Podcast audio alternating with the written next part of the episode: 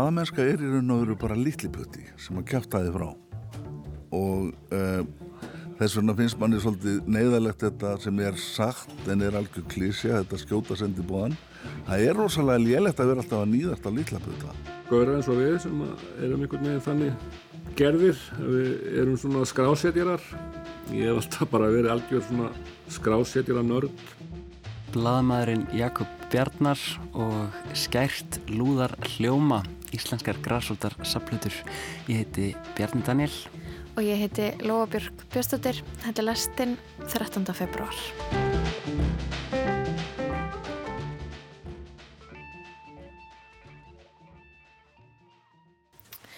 Björn Daniel, þú heldur áfram í samplötu grúskinin og eftir. Um, er þetta rosalega mikið af efni? Þetta er eiginlega alltof mikið efni, já, ég, svona, ég veit ekki hversu mikið ég mun komast yfir eða svona, hversu lengi ég, ég tolli í þessu en uh, ég stóðst ekki mátið að, að uh, halda áfram að vinna með þetta vittal sem ég tók við Dr. Gunna á dögunum, hann var að gefa út mjög skemmtilega saplutuserju þarna á síðara hluta nýjunda áratur eins og við ætlum að uh, fræðast meir um það hérna á eftir. Einmitt, þetta er spennandi, um, við ætlum að byrja aðeins annar staðar, við ætlum að byrja að tala við, tja, einn sjóaðasta blagamann þessa lands.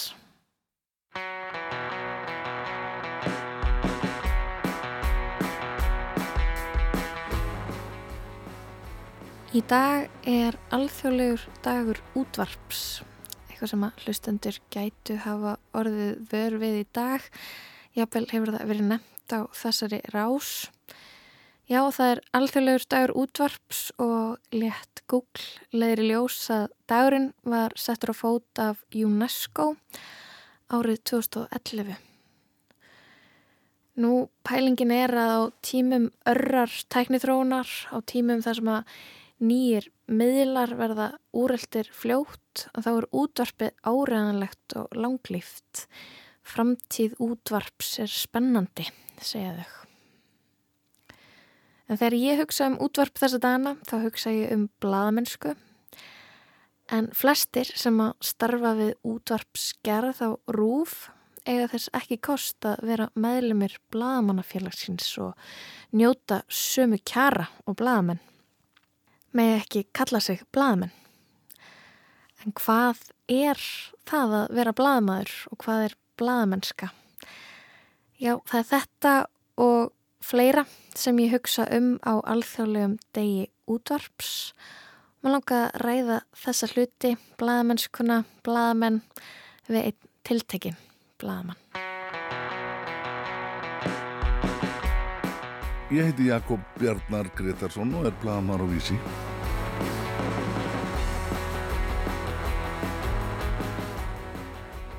Hvað erstu búin að vera blagamæður lengi? Uh, þetta er svona orðin 30 ár pluss eitthvað, ég er ekki alveg klára á því.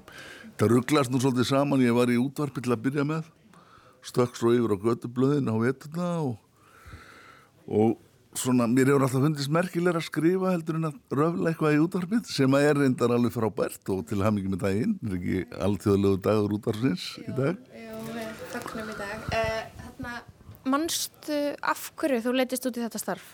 Sko, ég var poppari í hljómsveitinni Kátum Bildum og við vorum alltaf eitthvað með einhvern fýblaskap og, og svo var ég í bókmyndafræðinni, ég er bókmyndafræðingur þannig að þetta lág einhvern veginn bara beint við. En þetta var, þetta voru bara tilviljanir sem að ríðu þessu fyrst og síðast. Ekki ykkur hugssjón, þú fórst ekki þetta starf til að byrja með að hugssjón, kom hún setna?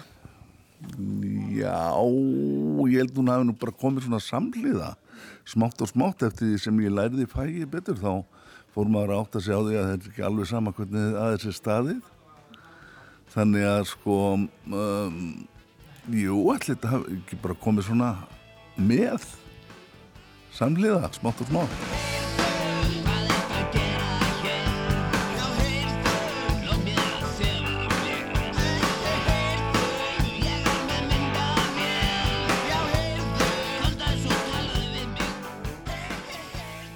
Hvað finnst þér blaðamennska snúast um? Blaðamennska er í raun og veru bara litli putti sem að kæftæði frá og uh, Þess vegna finnst manni svolítið neyðalegt þetta sem er sagt en er algjör klísja, þetta skjóta sendibóðan.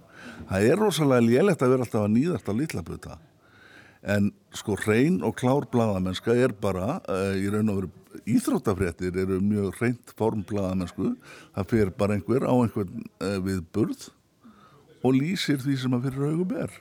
Og vonandi gerir það eins svona hlutlægt og, og mögulegt er því ég held að hlutlegni sé að afskaplega mikilvæg í þessu fægi og ef þetta er fag þá erum við að skilja á milli þess sem að eru með að heita persónulega skoðanir sem að hver og einn getur náttúrulega tjáð eftir atvikum til dæmis sko það er allt annað sem að ég er að, að slá fram í mjög mismikilli alvöru á Facebook og svo það sem ég skrifa á vísi þar sem ég er bara bladamæðurinn Jakob sem að reyni að fylgja öllum þeim faglegu hérna síðferði lögum og reglum sem um þetta fag gilda.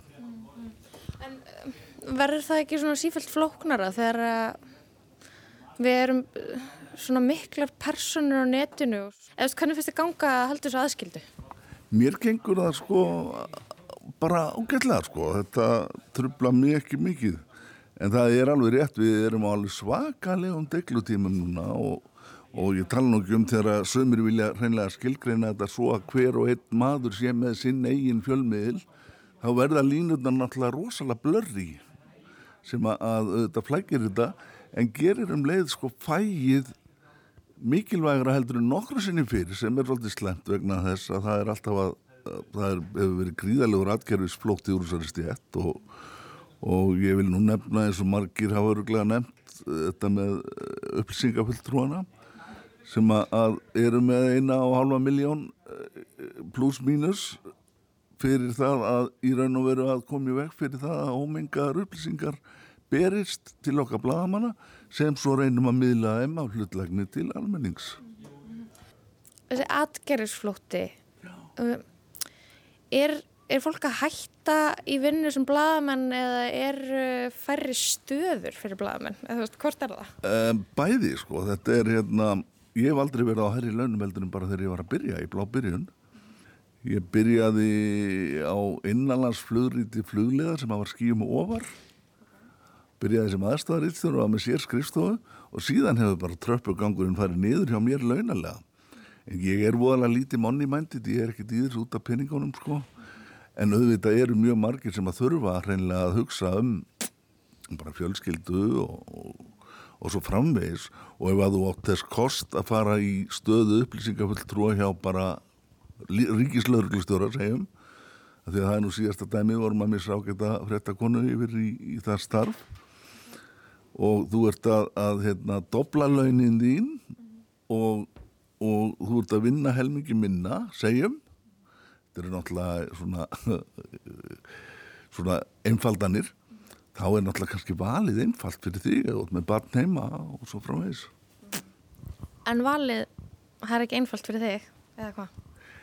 Sko, ég sótti nú einu sinni um bara, er, reyndar var það svona hálgert grín, eða ekki beint grín ég mér langaði alltaf að prófa því. Ég prófaði próf sótti einu sinni um stöðu utan, hérna, upplýsingaföldru og utanrikiðsáðanætisins ég, mér langaði nú aðalega bara til að sjá hvað er því, sko. Ég meni, ég hef starfað á óbúslega mörgum fjölminum og sko ég þarf bara að hlýta þeim rítstjórnareglum sem að gilda á hverjum stað um sig. Til dæmis var ég á fréttablaðinu lengi og þá var maður bara að setja sig við það að maður verði að skrifa rosalega svona smáborgarlega ef þannig, þannig maður verði komast. Fréttablaði var sko óbóðin gestur inn á heimili fólk spórin inn á hvert heimili. Þannig að maður var bara að haga sig sér. Maður gæti ekki verið full í frendin í, í fermingavæslinni sem maður var svo kannski í útvarpinu á sínum tíma eða á pressunni þar sem maður og flest var að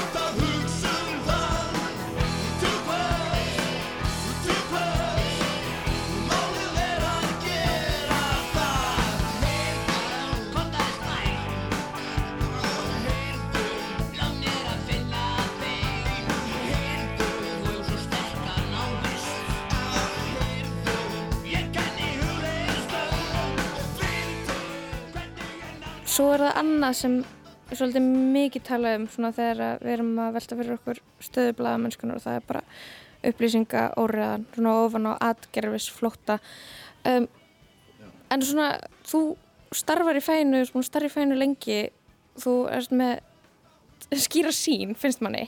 Hvað þarna, hver finnst þér vera hindrannar sem bladamennska og bladamenn mæta stærstu það er náttúrulega þetta að sko þetta er að mörguleiti heimatilbúin vandi gömlu síðareglunar sem að við stýðjumst við sem að mér finnst nú þurfu í raun og vera að vera alfa og omega þessar starfs svona heilt yfir. Þar var að finna í gömlu síðareglunum ímis uppskapning. Það var verið að reyna að gera meira úr þessu starfi heldur en þurfti sko, það var verið að reyna að plasera sig með prestum og, legnum og svo framvegis.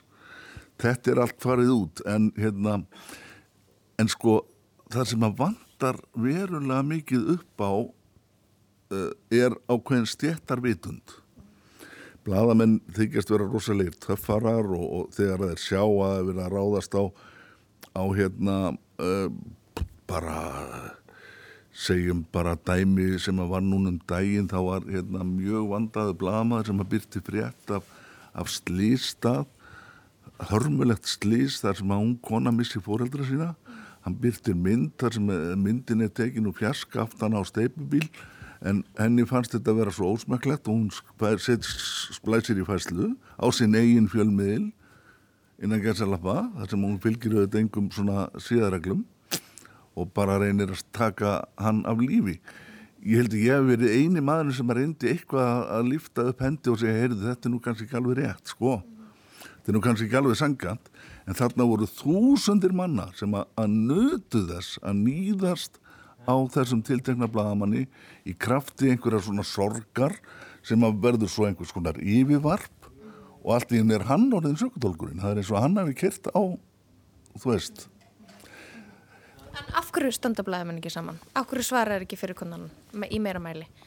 Ég bara veit það ekki ég er búin að vera svolítið duglegur við það og en hérna þá halda menn alltaf að ég sé rosalega viðkvæmið fyrir sjálfum mér og minni stöðu og minni fæi. Ég er þar svona einhverju leiti en það er ekkert ekki persónlegt við það. Ég er bara að reyna að halda svona ákveðnum staðrendum til haga í tengslum við blada mennskuna sem slíka sem fag. Þú veist, en sko mér finnst bara að bladamenn megi vera miklu dugleiri að reyna að leiðrétta allskins ránkvæslur sem að vaða uppi stundum er nú kannski svolítið svolítið mikið að reyna að vaða í, í rísastóran her manna sem er æfur að bræði og, og notar tækifærið. Eins erum við að díla við stjórnmálamenn sem að notfæra sér það óspart að gera út á þetta hatur gagvart sendibóðanum og það er bara stundum heilt hatur. Ég menna ég var í DFF húsinu þegar fólk kom og, og gríti eggjum og, og, rótnum ávöxtum í húsið og var alveg brjálað og Mikki og Jónar sturt að segja af sér hvað mál, hva, hvers vegna var það aftur? Það var, uh, sko, djefafaði verið að storka almenningsálutinu heldur betur, við verið mjög svona með svona nýjan fréttaflutning sem ég heldur eindur að þeirra að við, við, við höfum verið á undan okkar samtíð fyrir ekkar heldur en nokkuð annað en svo gerist það að í máli sem að, að snerti barnanýð á, á Ísafjörði að viðkomandi maður sem að tilstóða það er því bara sagt að því að hann sætti í lauruglur rannsókn vegna þeirra mála. Hann tók sér til og, og stútaði sér.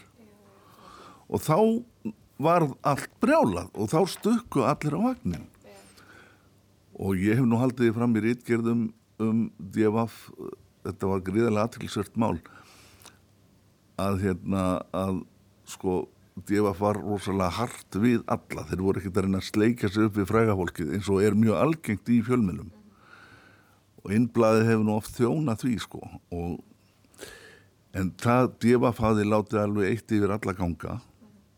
Þau fengi ekki að ráða neina um umfjöllunina um sík að en svo þegar til kastana kom þá átti blæði bara enga vini. Og, og ef að, að blæðið er farið að starfa án umbóðs þá er náttúrulega sjálf hægt þannig að þetta, þetta er dans þetta er dans, auðvitað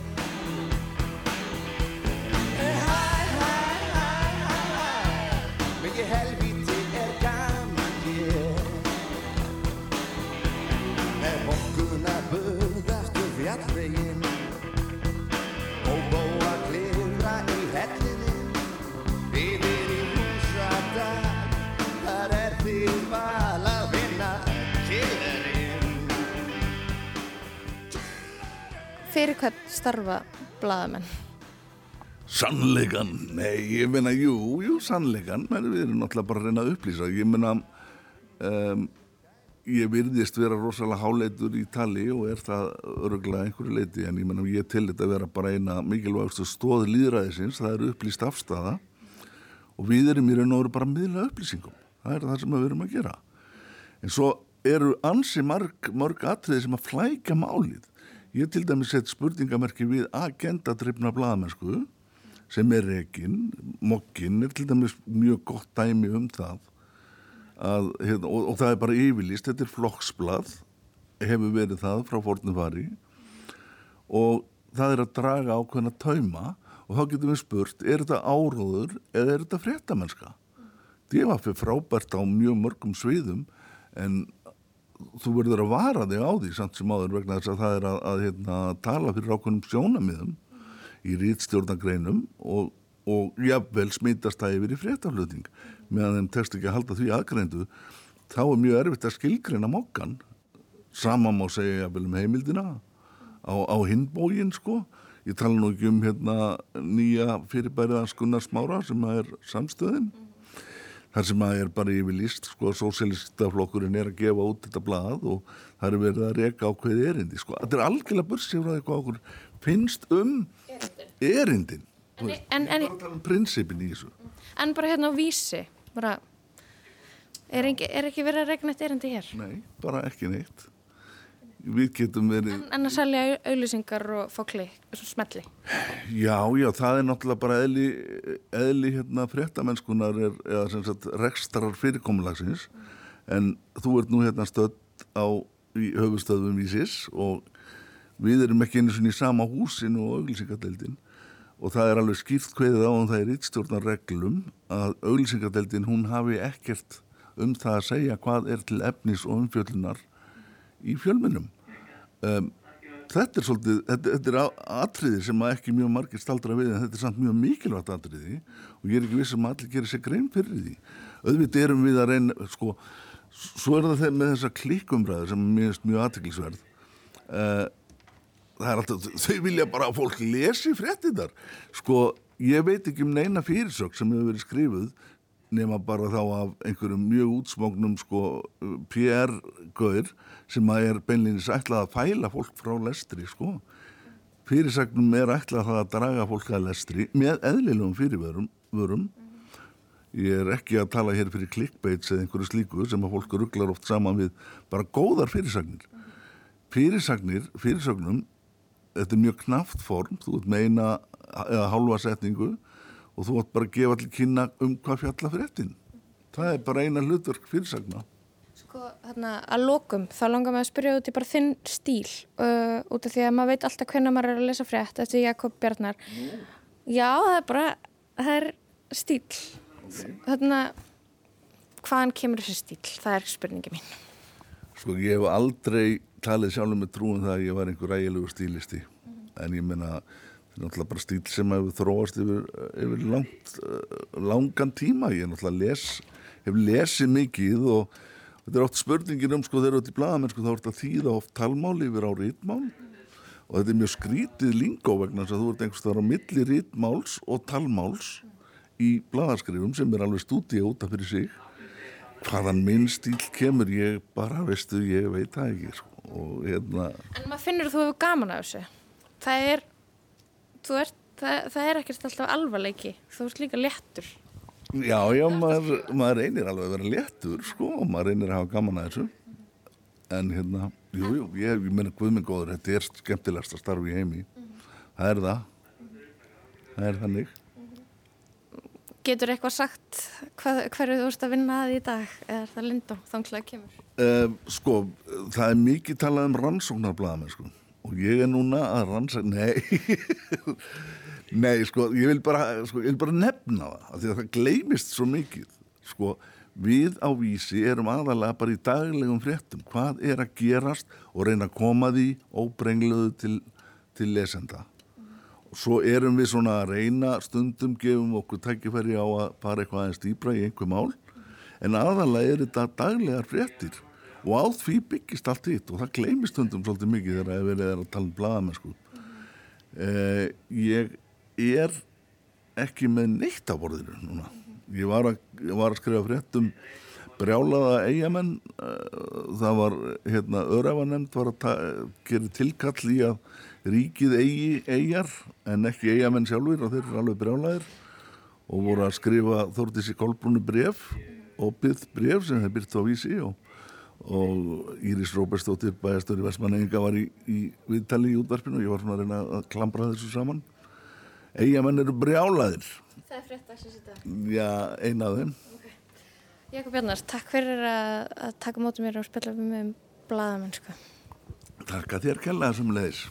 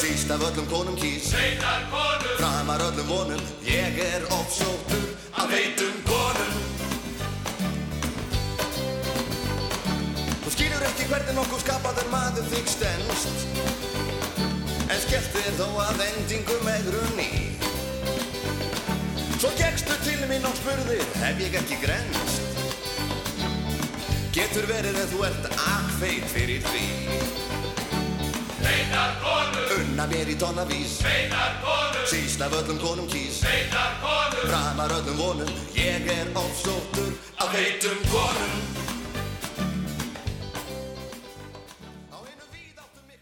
Hérna lagið Feitar konur af plötinu Einstæðar mæður með hljómsveitinni Kátir Piltar. Þetta er svakalega runa. Þetta er eiginlega, eiginlega bara ótrúlega runa. Um, Jakob Bjarnar var í þessari hljómsveit. Svona, þann kemur hann sko áður en hann fer sig hann að fullum kraft inn í blaðamennskuna. Þannig að ég var aðeins að hljóðs, hljóðskreita með uh, brotum, uh, lagabrotum uh, þessari hljómsveitar Kátir Piltar. En þetta er reyndar ekki Jakob Bjarnar að syngja, þetta er bróður hans Alli Geir, um, bara svo að það sé tekið fram. Ok, þetta er merkilegt, þetta er svona hans rætur, hans Jakobs, þessi hljómsveit, Kátir Piltar. Um, Við ætlum að halda áfram að pæla í rótum, grasrótum, uh, við ætlum að halda áfram umfyllunum íslenskar grasrótar saplutur sem hófst hér í lestinni síðastliðin 50 dag og í dag ætlum við að halda áfram að uh, skoða saplutur sem kom út af frumkvæði Dr. Skunna en að þessu sinni er það Snarl serían sem hann gaf út á ornum 1987-91 og svo aftur 2014.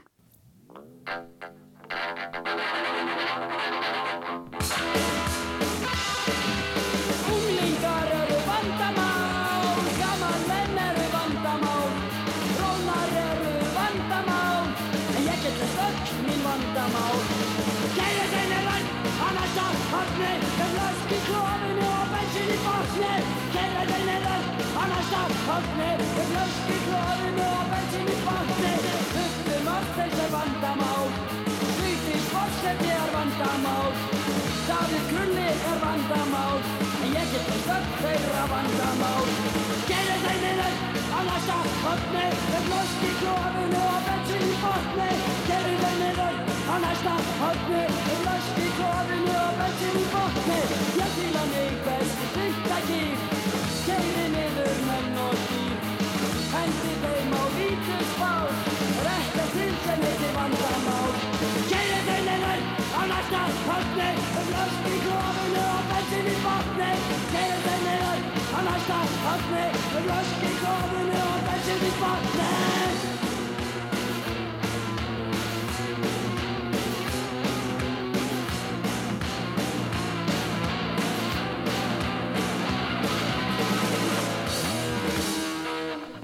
Síðustu viku byrjuðum við að velta fyrir okkur samplötu forminu og heyrðum hljóðið í tveimur snillingum sem eiga nokkuð kært samband við formið, Snæja Jack og Dr. Gunna. Báðir hafa þeir á sinn hátt með um 30 ára millibili staðið í útgáfu á íslenskri græsrótatónlist í gegnum samplötur. En hvað er það sem gerir samplötur að sérstæðum minnjum um tónlistasinnur? hverju miðla þeir sem annars konar útgáfur miðla ekki. Dr. Gunni sagði okkur frá því í síðustu viku að á sínum tíma hefur það hreinlega verið efnahagsleir kvatar sem vöktu áhuga hans á saplutum á tímum þar sem internetið með öllum sínum streymu veitum og niðurhalli var viðsfjari hversteginum. Maður gæti kannski fengið ykkur 10-20 bönd á einu bretti til að, til að kynna sér. Það var náttúrulega einu, einu möguleikin á þessum tíma fyrir 45 ára með eitthvað síðan. Snæði Jack talaði hins vegar um saplutuna sem einhvers konar hópmynd, bekkjarmynd, skjáskot af ákveðnum kima tónlistasennunar á gefnu augnabliki. En hann talaði líka um þörfina að tilheyra, hún væri mikilvægur kvati, mikilvæg forsenda þess að fólk tæki sér saman og stilt sér upp sem hópi.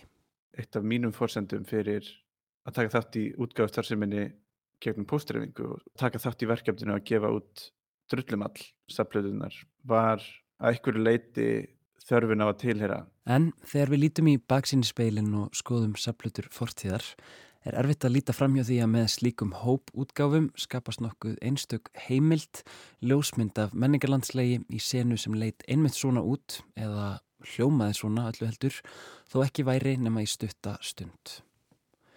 Í síðustu viku kynnturst við líka snöglega hugmyndum Brians Eno um skapandi greint samfélaga. Hann vil meina að þrátt fyrir að mikilvægar eða byltingarkendar hugmyndir séu jafnan útfarðar af einstaklingum þá verður þær nánast alltaf til í samfélögum listafólks í lifandi senum. Með því að velta fyrir okkur saplutum getum við þannig fengið ákveðna mynd af þeim hugmyndum sem voru í loftinu í viðkomandi senu þegar þær komu út.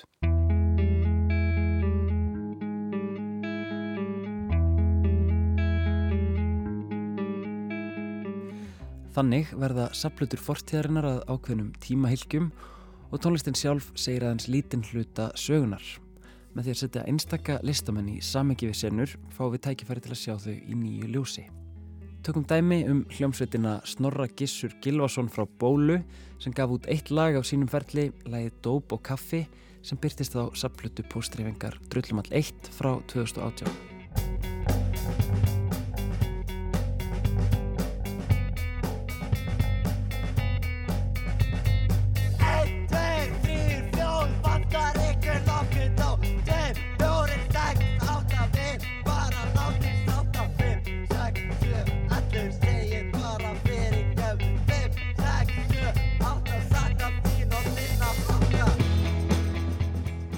Meðlimir Snorra Gissurs Gilvasonar frá Bólu stofnuðu setna meir sveitir eins og Inspector Spacetime sem er mörgum kunn sem einn hressasta partysveit landsins og svo Side Project en þeir hafa getið sér gott orð á sviði tilrunakendrar danstónlistar undanfæran ár og meðal annars skrifað undir samning hjá plötuútgáfinni Subcult sem gerir út frá Shanghai og unnið að lægi með Björk sem finna má á hennar nýjustu plötu. Lægið þeirra á Drullumall er rátt og glettið gítardrifið indilag og þarna verða ákveðna rætur tónlistamannana sínilegar. Ég nefni þessar hugmyndir við snæja.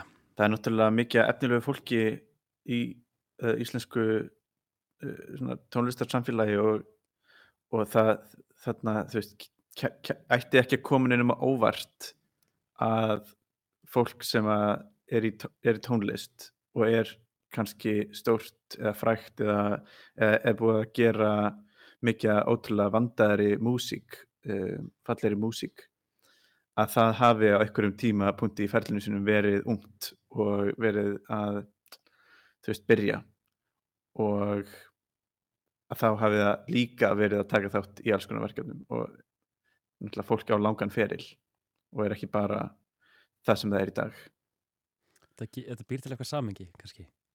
Já, Mhm. þetta setur náttúrulega fólk í, í, í samengi ef ef þú hugsar bara um Dr. Gunna, þú veist, manneskjan sem hann er og, og bara þj- þjóðþekti einstaklingurinn. Hluti af hans sögu er að vera í þessari svona vonardryfnu útgáfstar sem, ungu maður Mm -hmm. og, og náttúrulega bara út- útskýrir margt bara með velgengni hans að sjá hversu drifin hann hefur verið í, í, í öll þessi ár. Og bara sama með annað fólk sem að, sem að hefur tekið þátt í komið fram á uh, sapplötum í gegnum tíðina. Að kannski eru sömur sem að það var bara toppurinn á ferlinum en, eða, eða ég vil bara eina sem að gerist í tónlistarferli fólks. Um, en síðan kannski fyrir aðra er það bara fyrsta skrefið í, í marathóninu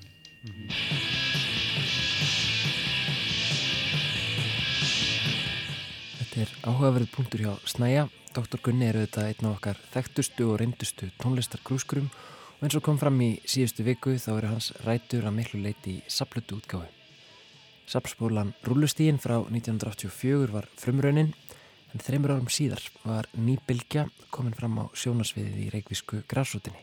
Þá hann á milli er, ég búin að halda áfram að spila með svarkutun drömi og gefa út einu tíu tómi plötu og fara til Fraklands í, í hálft ára að læra fransku og, og kem svo heim og endur reysi svarkutun dröm og við förum að spila og, og þá sem að, að það eru hérna mjög góð bönd komið fram eins og Sóblettir og Daisy Hill Puppy Farm.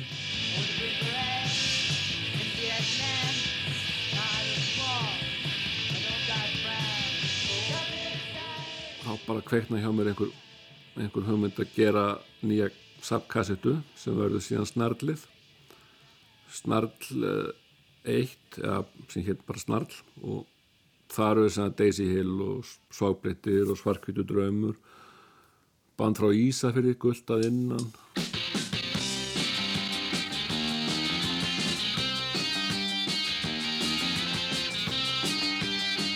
Þetta er eftirminnilegt að þegar ég kynnist þessum Daisy Hill strákum, það var allt svona yngri strákar en ég. Og spila hérna í hlaðvarpanum sem var, er hérna við hliðina sem að tapas er í dag. Í kvosinni. Og þá bara já, á, þetta er gott band að vera að gera eitthvað með þá. Síðan enda það með því að í samstarfi við eitthvað gauður í Englandi sem ég kynntist í gegnum smálusingi Meldi Maker að gá út þetta saman Daisy Hill fjárala EP sem að far síðan spilun hjá John Peel sem er greiðalegt afreg og mikið fagnar efni fannst manni. Þeir tóku Heart of Glass með Blondie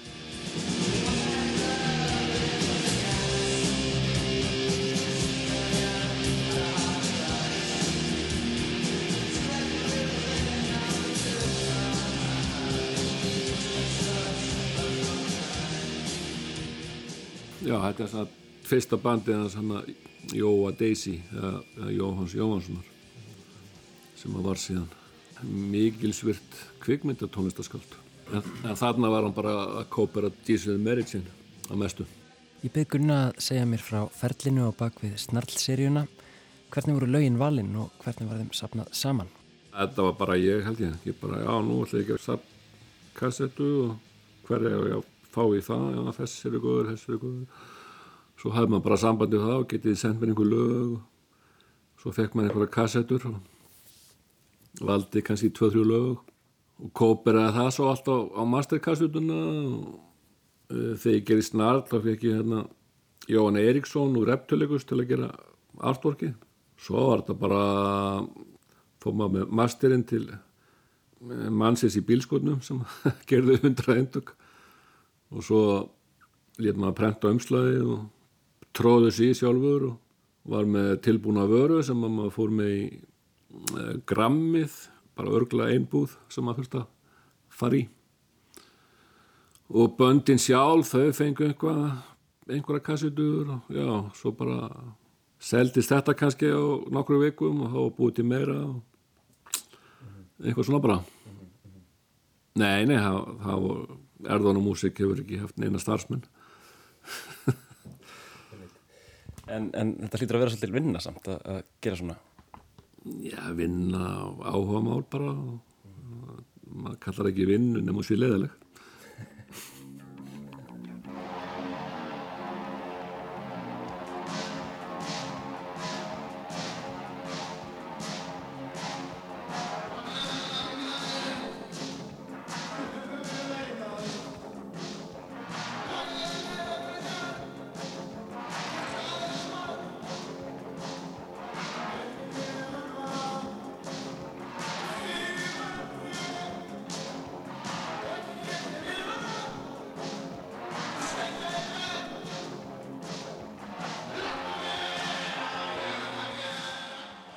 Snarl 2 kom út þarna eh, ég veit ekki 88-89 þá voru sem sagt segumólinir búin að slá í gegn.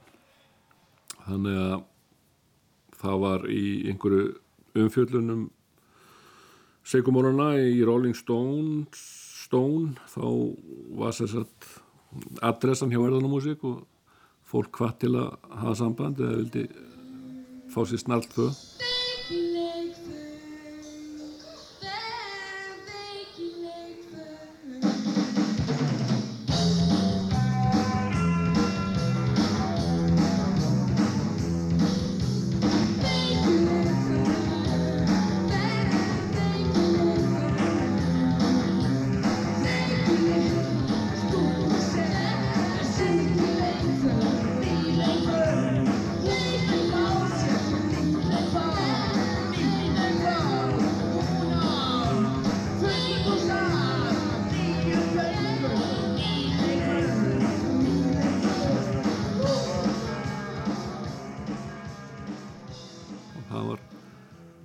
skipti sem að fór eitthvað að seljast þegar, þegar hérna pantanir á utan fór að streymi inn. Þannig að það hefur líka það er alltaf nöðsilegt að, að vera með opið landamæri og það sé séns á einhverju útlýtningar komist á bræði það er nú sem betur fyrr orðið auðveldra í dag bæði með bara erveifs og öllu Að alltaf getur framkvæmt þetta bara með því að setja plötun á bandkamp einhvern veginn þá, þú veist. það bara, já,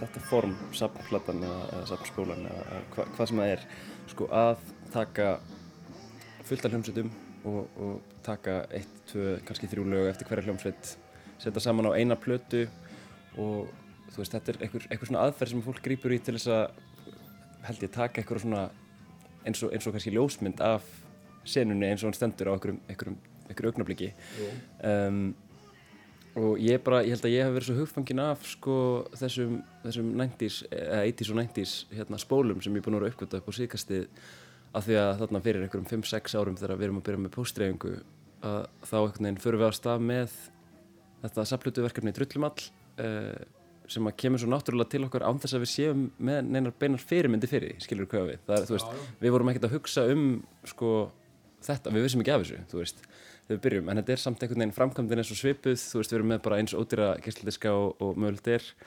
Og meiri segja sko, langum að sína þér hérna, ef við byrjum saman sko umslæðið á, á rúllusteganum og, og svo hérna drullum all eitt uh, þú veist, þetta er ekki, þetta er ekki eins en, en orkan er þessi svipuð sko, skilur hvað ég meina? Já, já, já, já, já. Þetta er bara klassíst, Já klassíst ungmennarokk.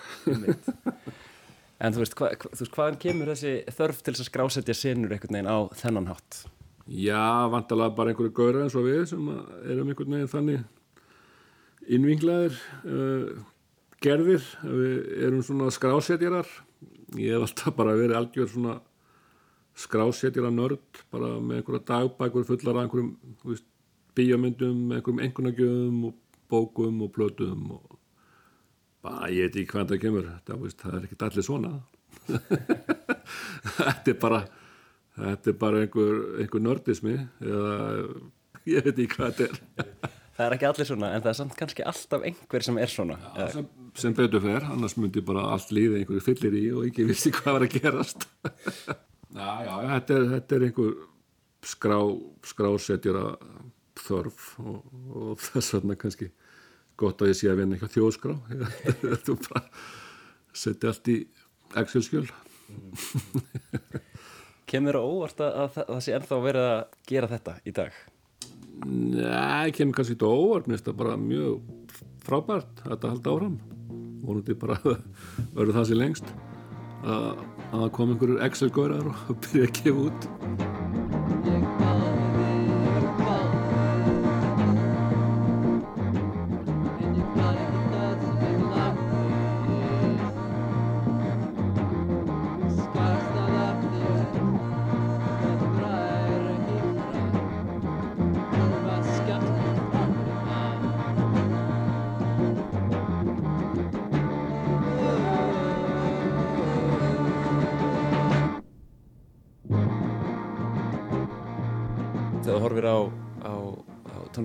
bara í Reykjavík síðan að þú ferð að fylgjast með þarna í kringum 1980 og, og til dagsins í dag. Þú veist, hvernig, hérna, hvernig hafa málinn þróast? Er þetta bara, erum við í e, þú veist, sífældri endurtekningu eða er, er eitthvað nýtt að gerast? Skil, skilur eitthvað hvað er að fara?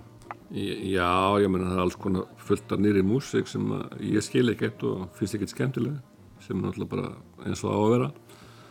Og svo er bara já, náttúrulega miklu mér að gerast núna bara yfir það heila heldur en, veist Eh, fyrir þessum árum og einhvern tíman, þá voru bara enga stelpur að gera neitt. Það var eitthvað bara í kringu 90 þá kom einhver þá kom band með einhverjum stelpum sem hétt hérna Afrodita, mann er fannst þetta alveg stórkvæmslegt að það var einhvað hvern fólk að gera eitthvað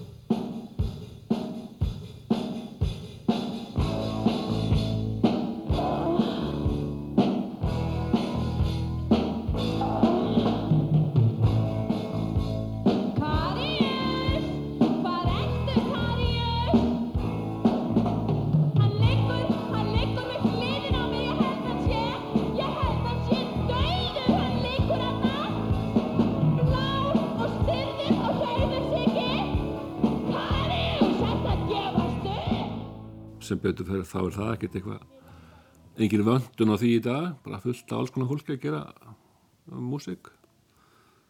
Þannig að ég er bara mjög sattur við þessa þróun. Það er minna pulsuparti í dag. Já, já, bara allt miklu meira að gerast líka bara stundum þá bara voru bara vandrað að finna einhver band til að spila með því að bara var ekki neitt. Það var ekkert band. Þannig að þetta er bara, já ég er bara, bara mik mikið heilbreyði í, í senunni og náttúrulega greiðalega margt breyst og, og öll landamæri opinn og bara miklu minna mál og já, bara snild.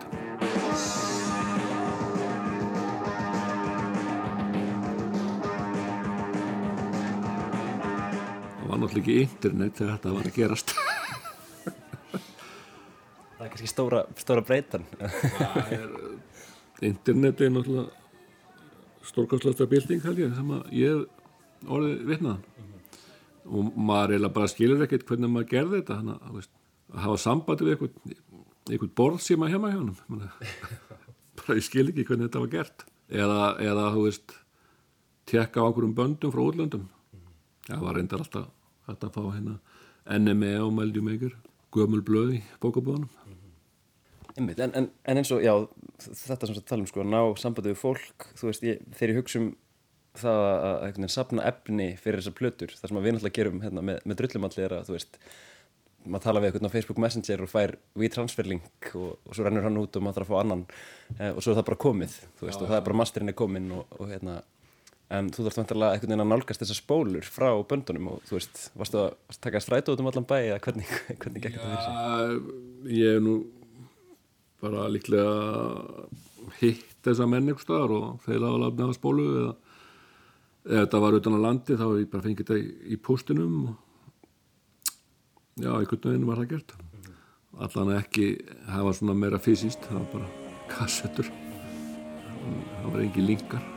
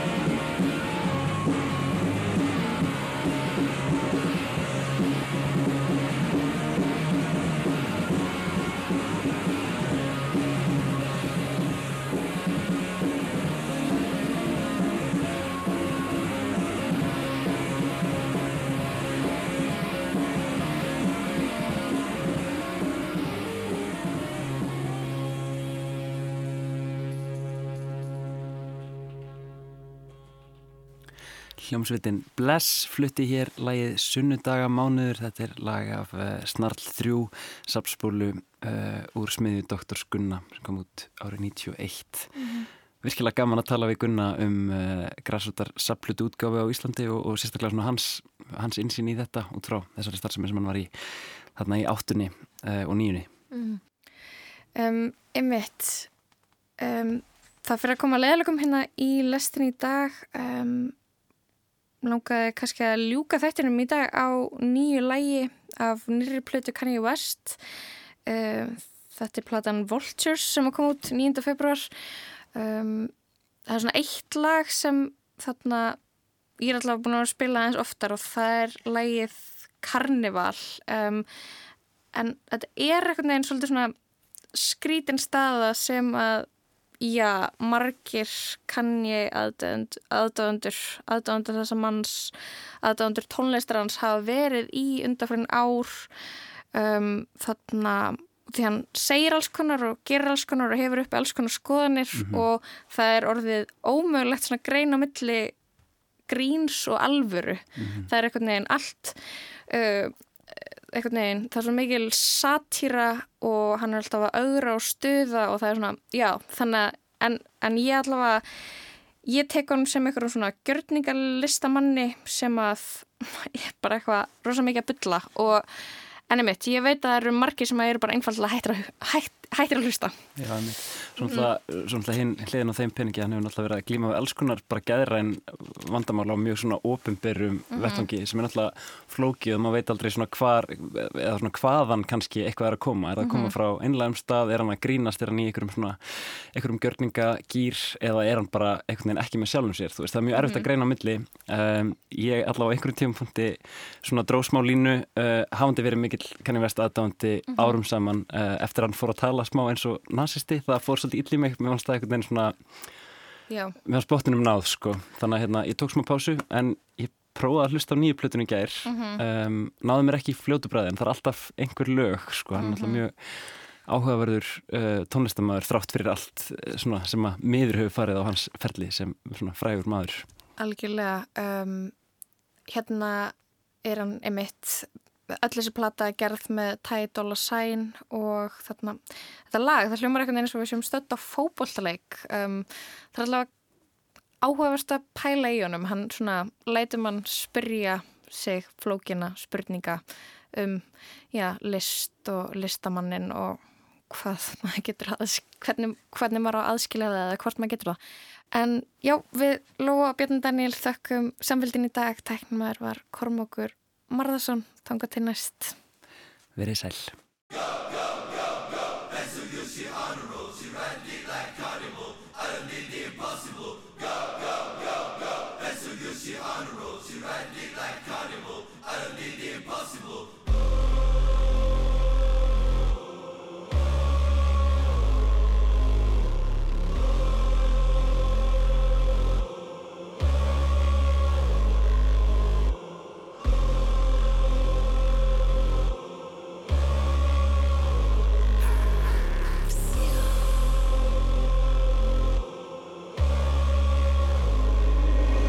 Way too rich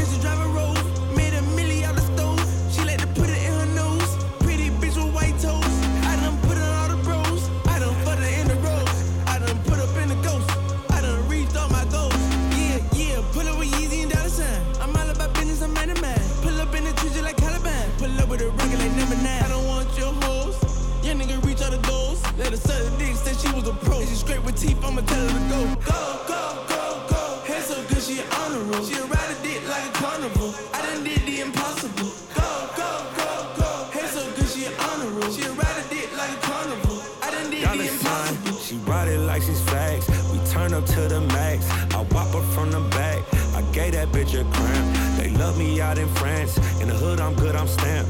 Every day I dress all black. For sure, 900 rags. Middle East go double that. On my neck a bubble back. On my wrist, new Cadillac. Cause I all don't want a bag. Little bitch, I'm a superstar. These hoes wanna fuck my car. My dog put a nigga in park.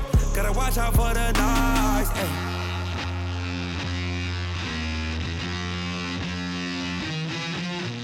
This the Game of Thrones. Yeezy not the clones. Where my rocket ship? It's time to go home.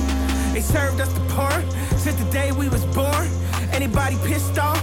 Gotta make a drink the urine. Now I'm Ye Kelly, bitch. Now I'm Bill Cosby, bitch. Now I'm Puff Daddy Rich. That's me, to me, rich.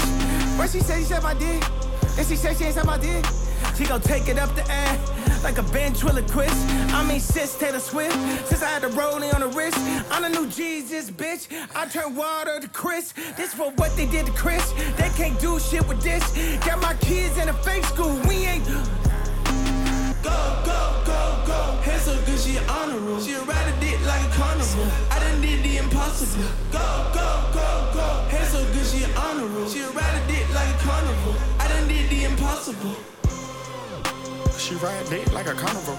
Been over having flashbacks, she gon' eat me up like a carnival. It's the way I pop my shit, the hoes not ready. I'm going barnacles. Moving to feel like a Jason, can't get arrested. I make them start mode. She want a private session, roll out them X's when I'm on Melrose. She tatted my name on her titties, yeah, you could bust it, but it's a borrow. Sitting back counting up doors, I was raised in the barrow. She wanna taste the chicken and sweat today, ho, come back tomorrow. If you know what I know, how's your hoe? Just out the fence, don't having them high toes. Running around in the lobby, I know that they tired me, having like 10 hoes. She needs some presidentials just to be presidential. Hold, hold, I'm out to buy some dentures, make the hoe eat me for dinner. Whoa, whoa, pain, all in my eyes, I can't see. Uh, I'm out to jump out my body, I'm ready to leap. Uh, I'm out to nut on her body and tell the whole leap. 50 mil stuff in the bag, tell the whole gang eat. The Jay and body, tell me who fucking with we. Oh, holla the Carter, I'm feeling that hole in my sleep. Dollar signs all in my dreams, I don't never see Z's. Whoa, whoa, whoa, this way. Cover my body like it's a disease. Whoa, whoa, whoa.